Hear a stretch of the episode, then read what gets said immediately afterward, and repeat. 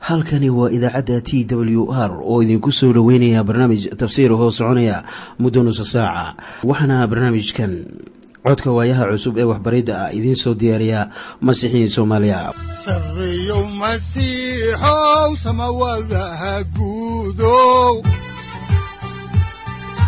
Siraadkii adduunkow subanaha eebow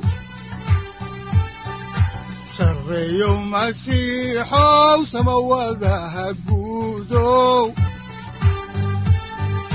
siraadkii adduunkow subanaha eebow adigoo samada jiro ifkan soo saldhiganba adigoo samada jiro ifkan soo saldhiganba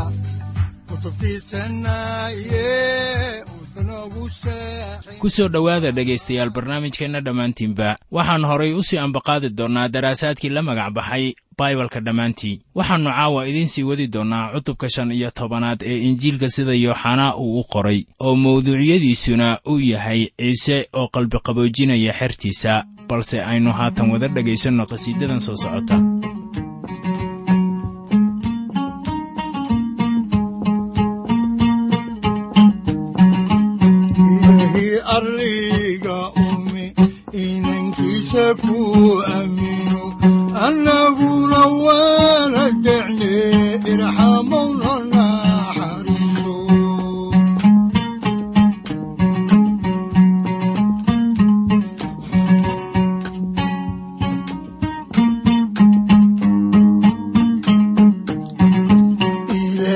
ilaahi arliga ume inankiisa ku aamino annaguna waana decne irxamowna naxariiso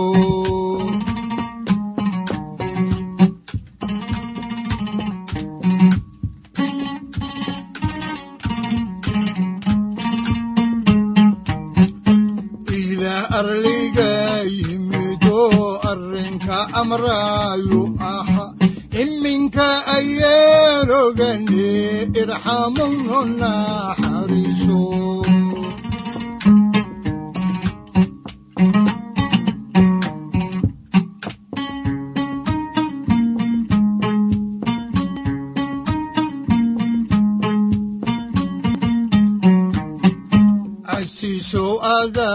casumo cunugagi markiina ugu dambaysay waxaynu gorfaynaynay xaalka ku saabsan qirashada dembiga si aynu ugu sii jirno sayidka oon had iyo goorba wehel ula lahaanno. Waxaan markaasi idiin sheegnay sida ay u muhiimad ballaaran tahay in ku jirista masiixa oo aanay suuragal noqonaynin haddaynaan raacin ama dhowrin awaamiirtiisa haddaan horay idinku sii wadno xigashada injiilka sida yooxanaa oo u qoray cutubka shan iyo tobanaad aayadda tobanaad iyo aayadda afar iyo tobanaad waxaa qoran sida tan.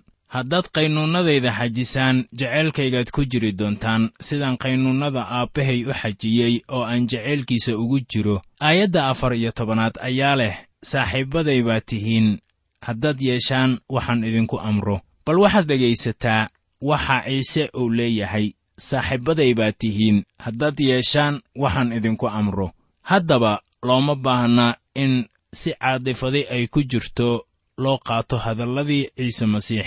Markaasoo uu lahaa saaxiibbaday baa tihiin waxaa loo baahan yahay inaan si dhab ah isku weydinno miyaannu raacaynaa wixii ciise uu inagu amray inaan samayno.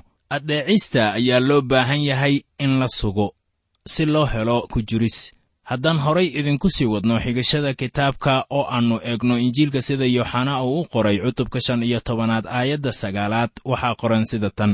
Siduu aabbuhu ii jeclaaday ayaan anna idin jeclaaday.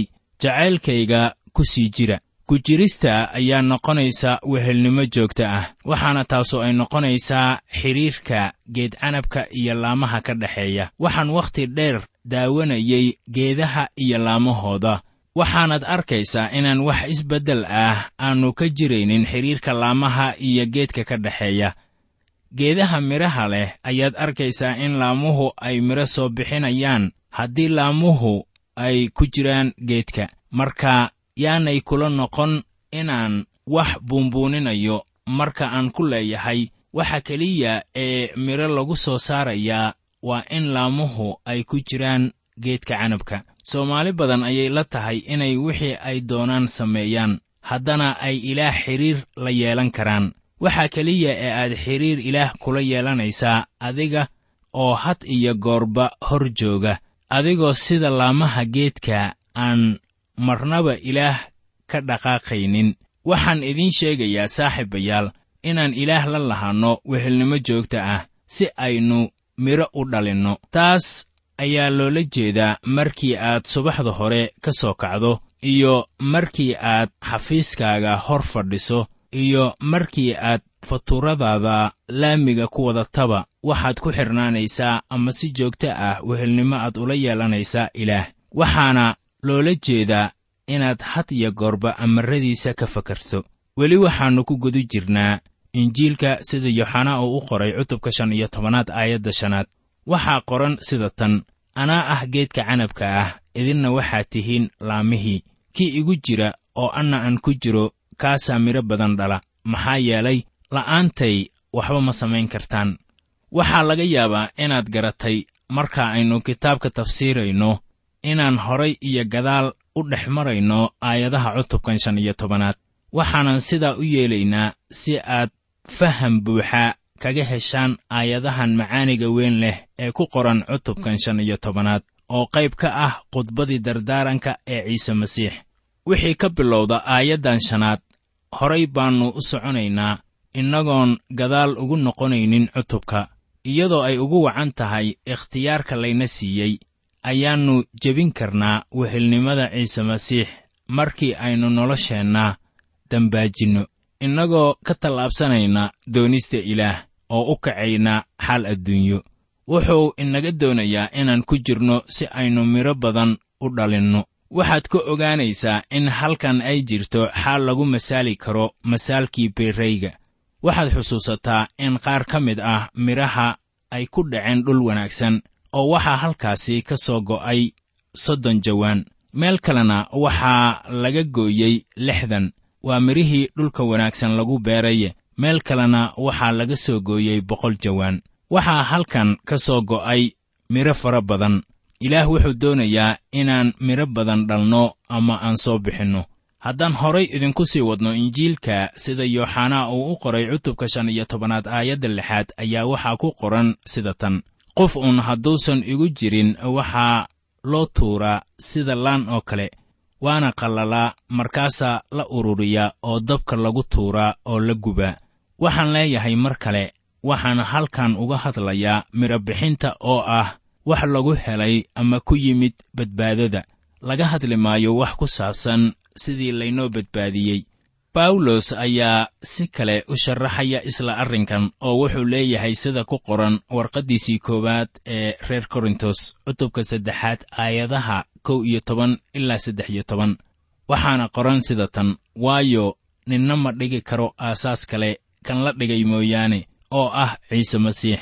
Laakiin nin hadduu aasaaska ku dul dhiso dahab ama lacag ama dhagaxyo qaali ah ama qoryo ama coos ama bal nin kasta shuqulkiisa ayaa loo muujin doonaa waayo maalintu way caddayn doontaa. Maxaa yeelay dab baa lagu muujinayaa waayo nin kasta shuqulkiisa ceenkou yahay dabka ayaa tijaabin doona. Haddaba tanu waxay ka hadlaysaa wax ku saabsan rumaystayaasha waana midhaha ku jira nolosha rumaystaha dab baa lagu nadiifinayaa dahabka naxaasta iyo weliba dhagaxyada qaaliga ah. Si loo kala garto haddaba qoryaha balka iyo xaabada dabka lagu daadin doonaa.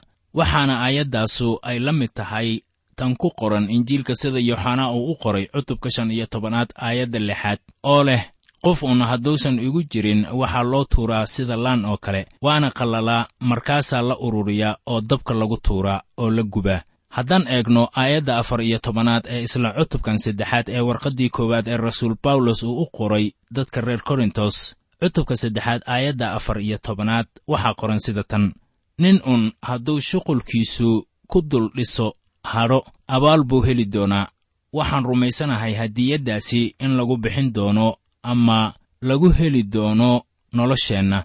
Innana sooma bixinno midhaha laakiinse waa isaga kan midhaha soo saara markii aynu ku jirno. Laantii aan geed canabka ku jirin oo loo jeedo qofka aan masiixa ku jirin waxaa loo tuuraa sida laan oo kale waana qallalaa markaasaa la ururiyaa oo dabka lagu tuuraa oo la gubaa. Waxaa tani sii faahfaahinaya aayadda shan iyo tobanaad ee cutubka saddexaad ee warqaddii rasuul bawlos uu u qoray dadkii korintos waxaana qoran nin uun haddii shuqulkiisu uu gubto wuu khasaari doonaa isaga qudhiisuse wuu badbaadi doonaa laakiin sidii wax dab laga soo baxshay oo kaluu u badbaadi doonaa. Haddaba qofka masiixiga ah ee shuqulladiisu khasaare ay noqdaan ayaan lala tuuraynin hawshiisa oo qofkaasu wuu badbaadi doonaa waxaa haddaba jira dad ay la tahay inaanay noloshoodu midho dhalinaynin oo waxay is odhanayaan inta yar ee midhaha ah ee aad soo bixisaan baa idinku filan. Haddaba sayidku wuxuu inaga doonayaa inaan midho badan soo bixinno haddaan horay idinku sii ambaqaadno xigashada oo aan eegna haatan cutubka shan iyo tobanaad aayadaha toddoba ilaa siddeed waxaa qoran sida tan. Haddaad igu jirtaan oo ay erayadayduna idinku jiraan weydista waxaad doonaysaanba. Waana laydin yeeli doonaa waxaa aabbahay uu ku ammaanmaa inaad midho badan dhashaan waxaanad noqon doontaan xertayda. Haddaba weyddiisashadan waa mid wacan laakiin ogaada shuruudda lagu bixinayo marka ciise uu leeyahay haddii aad igu jirtaan oo ay erayadayduna idinku jiraan oo loola jeedo inaan mudiic u ahaanno isaga dabeetana salaaddeennu waxay noqonaysaa mid waxtar leh ama xooggan. Danta laga leeyahay ku jirista iyo tukashada ayaa waxay tahay in aabbuhu uu ammaanmo.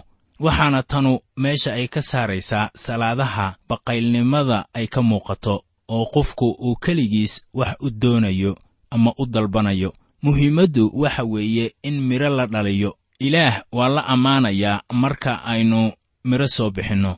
Haddaan horay idinku sii wadno ayaa waxaa ku qoran injiilka sida yooxanaa uu u qoray cutubka shan iyo tobanaad aayadaha sagaal ilaa kow iyo toban sida tan. Siduu aabbuhu ii jeclaaday ayaan anna idin jeclaaday. Jacaylkayga ku sii jira haddaad qaynuunnadayda xajisaan. Jacaylkaygaad ku jiri doontaan sidaan qaynuunnada aabbahay u xajiyey oo aan jacaylkiisa ugu jiro. Waxaan waxyaalahaasi idinkula hadlay in farxaddaydu ay idinku jirto iyo inay farxaddiinnu buuxsanto. Sayidku wuxuu inaga doonayaa inaan leennahay wakhti wanaagsan. Mid ka mid ah midhaha ruuxa ayaa waxay tahay in nolosheennu ay lahaato farxad. Waxaan arkaa dad badan oo soomaali ah oo ay la tahay inay dadka kale ka quduusan yihiin wakhtiyada qaar baad arkaysaa iyagoo inta dhar qurux badan ay xidhaan xitaa diidaya inay ciidda taabtaan. Haddii aad damacdo inaad hadal kaftan ah ku tuurto ninna dhankaaga soo eegi maayo iyadoo layska dhigayo in hadalladaadu ay dembi yihiin. Haddaba kan ilaah ka cabsada ee laga doonayo in noloshiisu ay lahaato midhaha ruuxa ayaa haddana noqonaya mid ay ka muuqato farxad iyo jacayl iyo qabownimo iyo weliba iscelin. Markaad baranayso hadalladii ilaah ma ahan inaad qosolka iyo farxadda ka xidho noloshaada. Waayo waxaa kitaabka uu leeyahay midhaha ruuxu waa farxad jacayl qabownimo iscelin iyo wixii la mid ah. Waxa ay leedahay farxad iyo raynrayn in ilaah loo adeego. Haddaba in wehel lala ahaado masiixa ayaa waxaa ku jira nolol farxadeed. Aayadda laba iyo tobanaad ayaa ciise uu leeyahay kanu waa qaynuunkayga inaad isjeclaataan sidaan idin jeclaaday. Waxaad xusuusataa inuu iminka la hadlayo xertiisa. Waa inaan isjeclaanno siduu inoo jeclaaday. Waxa ayaan darra ah in la heli karo baryaheenna masiixiyiin aan isku jeclayn sida sayidku uu amray. Ruuxa quduuska ah ayaan ka dhex shaqaynaynin marka qofku uu xaaladahaasi xunxun soo gaaro. Dadku waxay haystaan qoolka ilaah oo lagu qoray marradiisa mana raacayaan. Inaan walaalaheenna kale u jeclaanno sida uu inoo jeclaaday ayaa maqaam sare lagu gaaraa. Waxaa nolosheenna taasi ka abuuri kara ruuxa ilaah. Haddaan horay idinku sii ambaqaadno injiilka sida yooxanaa uu u qoray cutubka shan iyo tobanaad aayadda saddex iyo tobanaad waxay odhanaysaa sida tan ninna ma leh jaceylkan ka weyn inuu nin naftiisa u bixiyo saaxiibbadiis waxaa ciise halkan uu ku darayaa tijaabo oo wuxuu leeyahay sida aayadda afar iyo tobanaadi ay leedahay. Saaxiibbaday baa tihiin haddaad yeeshaan waxaan idinku amro. Nolosha masiixinimada ma ahan la jiifiyaana bannaan la joojiyaana bannaan. Nolosha masiixinimada waa in la raaco qawaaniinta u degsan masiixinimada. Si midho loo dhaliyo wuxuu noloshiisii u bixiyey innaga. Wuxuuna ina weyddiisanayaa inaan addeecno isaga.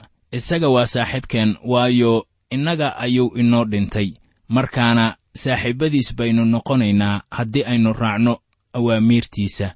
Ina weyddiisan maayo innaga oo dhan inaan isaga u dhimanno nin masiixi ah ayaa mar la weyddiiyey oo lagu yidhi miyaad leedahay nimcada gaarsiisan ilaa iyo heer dhimasho. Markaasuu ninkii masiixiga ahaa ku jawaabay maya laakiin markii aan u baado sayidka ayaa isiinaya sayidkuna wuxuu ina siiyey nimco gaarsiisan heer uu u dhinto. Haddaan horay idinku sii wadno injiilka sida yooxanaa uu u qoray ayaannu eegaynaa cutubka shan iyo tobanaad aayadaha shan iyo toban ilaa lix iyo toban waxaana qoran sida tan. Mar dambe addoommo idinku yeeri maayo maxaa yeelay addoonku ogaan maayo wuxuu sayidkiisu sameeyo laakiin saaxiibbo waan idinku yeedhay maxaa yeelay waxaan aabbahay ka soo maqlay oo dhan ayaan idin ogeysiiyey. Idinku ima aydnaan dooran laakiinse anaa idin doortay. Waanan idin diray inaad tagtaan oo midho soo dhashaan iyo in midhihiinnu ay sii jiraan. In wax alla waxaad aabbaha magacayga ku weyddiisataan uu idin siiyo. Haddaba waa inaan ogaanno inaan nahay saaxiibbadii ciise. Haddii aynu yeelno waxa uu inagu amro. Haatan wuxuu inoo sheegayaa inuu dareenkiisa u soo jeediyey dhankeenna. Ilaah wuxuu doonayaa inuu isku keen muujiyo. Xusuuso sidii uu u baadi goobay nebi ibraahim markaasoo uu doonayey inuu qorshihiisa u sheego. Waayo nebi ibraahim wuxuu ahaa saaxiibkiis. Iminka ayuu ciise inoo sheegayaa inuu inoo muujiyey waxyaalaha ilaah. Taasina waa waxa qof saaxiib ahi uu sameeyo. Waxa qofka masiixiga ah laga doonayo waa inuu qorshayaashiisa iyo dhibka haystaba ilaah u sheegtaa oo caawimaad iyo qalbiqaboojinba isaga laga dalbadaa waxaad ogaataa inuu halkan ku leeyahay idinku ima aydnaan dooran laakiin anaa idin doortay. Haddaba mar waliba waxaad u baahan tahay inaad ilaah baryo la hortaagan tahay dhib kasta iyo xiisad waliba ee ay noloshaadu ku jirto. Dantiisa waxa weeye noloshaadu inay midho badan dhalaan haddaan horay idinku sii wadno kitaabka oo aan eegno injiilka sida yooxanaa uu u qoray cutubka shan iyo tobanaad aayadaha toddoba iyo toban ilaa sagaal iyo toban waxaa qoran sida tan. Waxyaalahaas ayaan idinku amray inaad isjeclaataan. Dunidu hadday idin nebcaato waad garanaysaan inay hortiin i nebcaatay. Haddaad kuwa dunida ahaan lahaydeen dunidu kuweeda way jeclaan lahayd laakiin kuwa dunida ma ahidin. Waanse idinka doortay dunida taas aawadeed dunida way idin necab tahay. Haddaba waxaad ogaataan waxa noloshaadu ay yeelanayso markaad tahay mid ilaah ka cabsada. Waxaanan rumaysanahay in magaca masiixinimada uu yahay wax muujinaya sida qofkaasu masiixa dunida ugu muujinayo ama u baryo. Waxaa loola jeedaa in aad sifaalo wanaagsan ugu noolaato noloshaada masiixinimada si aad maraayad ugu noqoto kuwa aan weli rumaysan ee ku ag jooga. Haddaan horay idinku sii wadno injiilka sida yooxanaa oo u qoray cutubka shan iyo tobanaad oo aan eegno aayadaha labaatan ilaa laba iyo labaatan waxay qorayaan sida tan. Xusuusta hadalkan idinku idhi addoonka ma weyna sayidkiisa. Haddii ay i silciyeen idinkana way idin silcin doonaan. Hadday hadalkayga xajiyeen kiinnana way xajin doonaan. Laakiin waxyaalahaas oo dhan waxay idinku samayn doonaan magacayga aawadii maxaa yeelay waxaanay garanaynin kii i soo diray. Haddaanan imaan oo aan la hadlin dembi ma ay lahaadeen laakiin hadda dembigooda marmarsiinyo uma haystaan.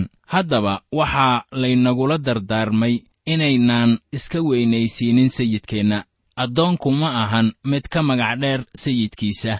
Waxaa laynaga doonayaa inaan hadalka ilaah dadka gaarsiinno. Kuwa wax silcinaya laba dhibaato ayaa haysata waa tan koowaade garan maayaan aabbaha. Tan labaadina waxay tahay inaanay doonaynin in dembiyadooda la muujiyo ama ay soo shaacbaxaan mar kasta oo qofku ilayska u daaro ama nalka uu shido ayaa wax ay soo muuqdaan. Waxa ilayska neceb waxa weeye masaska muluucyada doolliga iyo kutaanta oo markii nalka la shido waxay bilaabayaan inay cararaan. Waxay markaasi necab yihiin qofka iftiinka shidaya. Ciise baa leh way igu nabcaadeen sabab la'aan. Haddaba dadka asbaab uma hayaan nacaybka ay ciise necab yihiin. Waxaase dhabtu ay tahay in ciise loo necab yahay niyadda dembiga leh ee dadka aawadeed. Ciise masiix oo khudbadiisii ama hadalkiisii dardaaranka ahaa u wada xirtaa ayaa leh sida ku qoran aayadda saddex iyo labaatanaad. Kii i neceb wuxuu kaloo necab yahay aabbahay aayadda waa mid muhiim ah. Dunidu wax kuma nabcaato fikiradooda. Ilaah waxaase ay necab yihiin tan masiixu uu bixinayo. Waa masiixa kan ay necab yihiin. Ciise wuxuu leeyahay markii qof uu i necab yahay wuxuu necab yahay ilaaha aabbaha ah. Waxaad markaasi odhan karaysaa ilaah rumee si aad magac ku yeelato. Tijaabada dhabta ah waxaa la saarayaa xidhiirka iyo dabeecadda aad la leedahay ciise masiix haddaba caan noqon maysid markii aad rumaysan tahay ciise masiix waayo waa kan dunida ay necab tahay. Haddaan horay idinku sii wadno injiilka ayaan haatan eegaynaa cutubka shan iyo tobanaad. Aayadaha afar iyo labaatan ilaa shan iyo labaatan. Waxaa qoran sida tan haddaanan dhexdooda ku samayn shuqullada aan nin kala samayn dembi ma ay lahaadeen. Haddase aniga iyo aabbahayba way na arkeen oo ay na nabcaadeen laakiin sidaas waxay u noqotay inuu dhammaado hadalka sharcigooda ku qorani. Way i nabcaadeen sabab la'aan. Dadku waxay haddaba doonayaan inay samaystaan.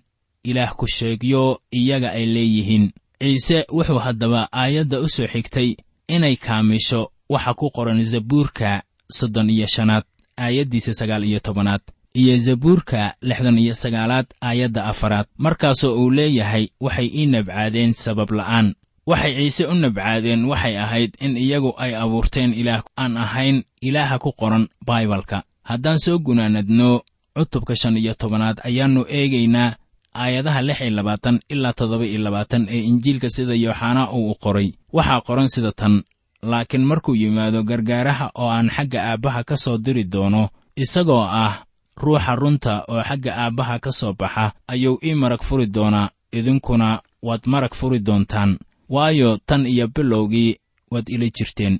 Haddaba ruuxa quduuska ah ayaa u marag furi doona masiixa. Haddii sayid ciise masiix uu dhab kuu yahay waxaa ku xaqiijiyey ruuxa quduuska ah.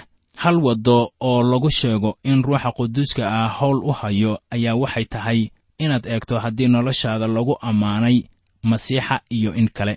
Haddaannu sayid ciise adiga ku xaqiiqsanayn waxaad weyddiisataa in ruuxa quduuska ah howl uu ka qabto niyaddaada waxaan u baahannahay hubaasha ah in ciise masiix niyadaheenna iyo nolosheenna uu ku jiro. Ciise wuxuu u sheegayaa xertiisa inay u marag furaan. Sidaas bayna yeeleen. Waa markhaati furka yooxanaa uu ka bixiyey sayid ciise masiix. Kan aynu haatan baranayno ma jiro qof kale oo aan rasuullada ahayn oo bixin karaya markhaati fur. Waayo rasuulladu waxay la joogeen sayid ciise masiix bilowgiiba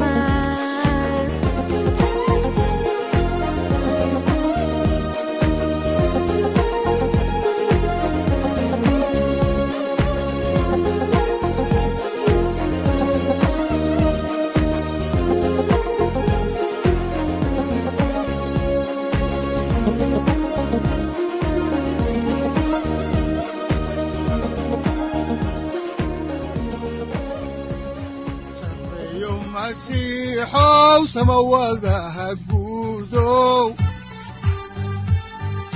siraadkii adduunkow subanaha eebow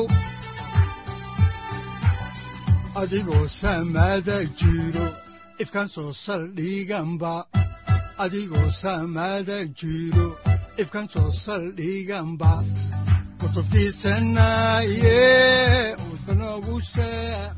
halkani waa t w r idaacadda t w r oo idinku leh ilaa ha idin barakeeyo oo ha idinku anfaco wixii aad caawi ka maqasheen barnaamijka. Waxaa barnaamijkan oo kalea aad ka maqli doontaan habeen dambe hadahan oo kale haddiise aad doonaysaan in aad fikirkiina ka dhiibataan wixii aad caawi maqasheen ayaad nagala soo xiriiri kartaan som t w r at t w r c o k e haddii aad doonaysaan in aad dejiisataan oo kaydsataan barnaamijka ama aad mar kale dhegaysataan fadlan mar kale booqo www t w r o r g amase www t t b t w r o r g. Amase waxaad teleefoonkaaga ku kaydsataa ama ku download garaysataa agabyada ku sahli karaa dhegeysiga t w r haddii aad doonayso in laga kaalmeeyo dhinacyada fahamka kitaabka amase aad u baahan tahay duco fadlan fariimahaaga soo mari bogga aaraahda ama kommentska inana jawaab deg deg ah ayaanu ku soo diri doonaa amase ku siin doonaaye. Sareyow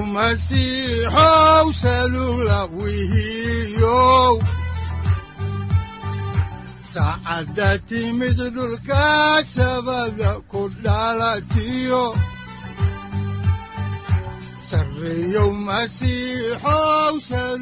halkani waa t w r oo idiin rajaynaya habeen baraare iyo barwaaqaba leh inta aynu ka gaari doono wakhti aynu ku kulanno barnaamij la mida kan caawayay aad maqasheen waxa aan idinku leeyahay nabadda ciise masiix ha idinku badato xagga jidhka iyo ruuxaba aamiin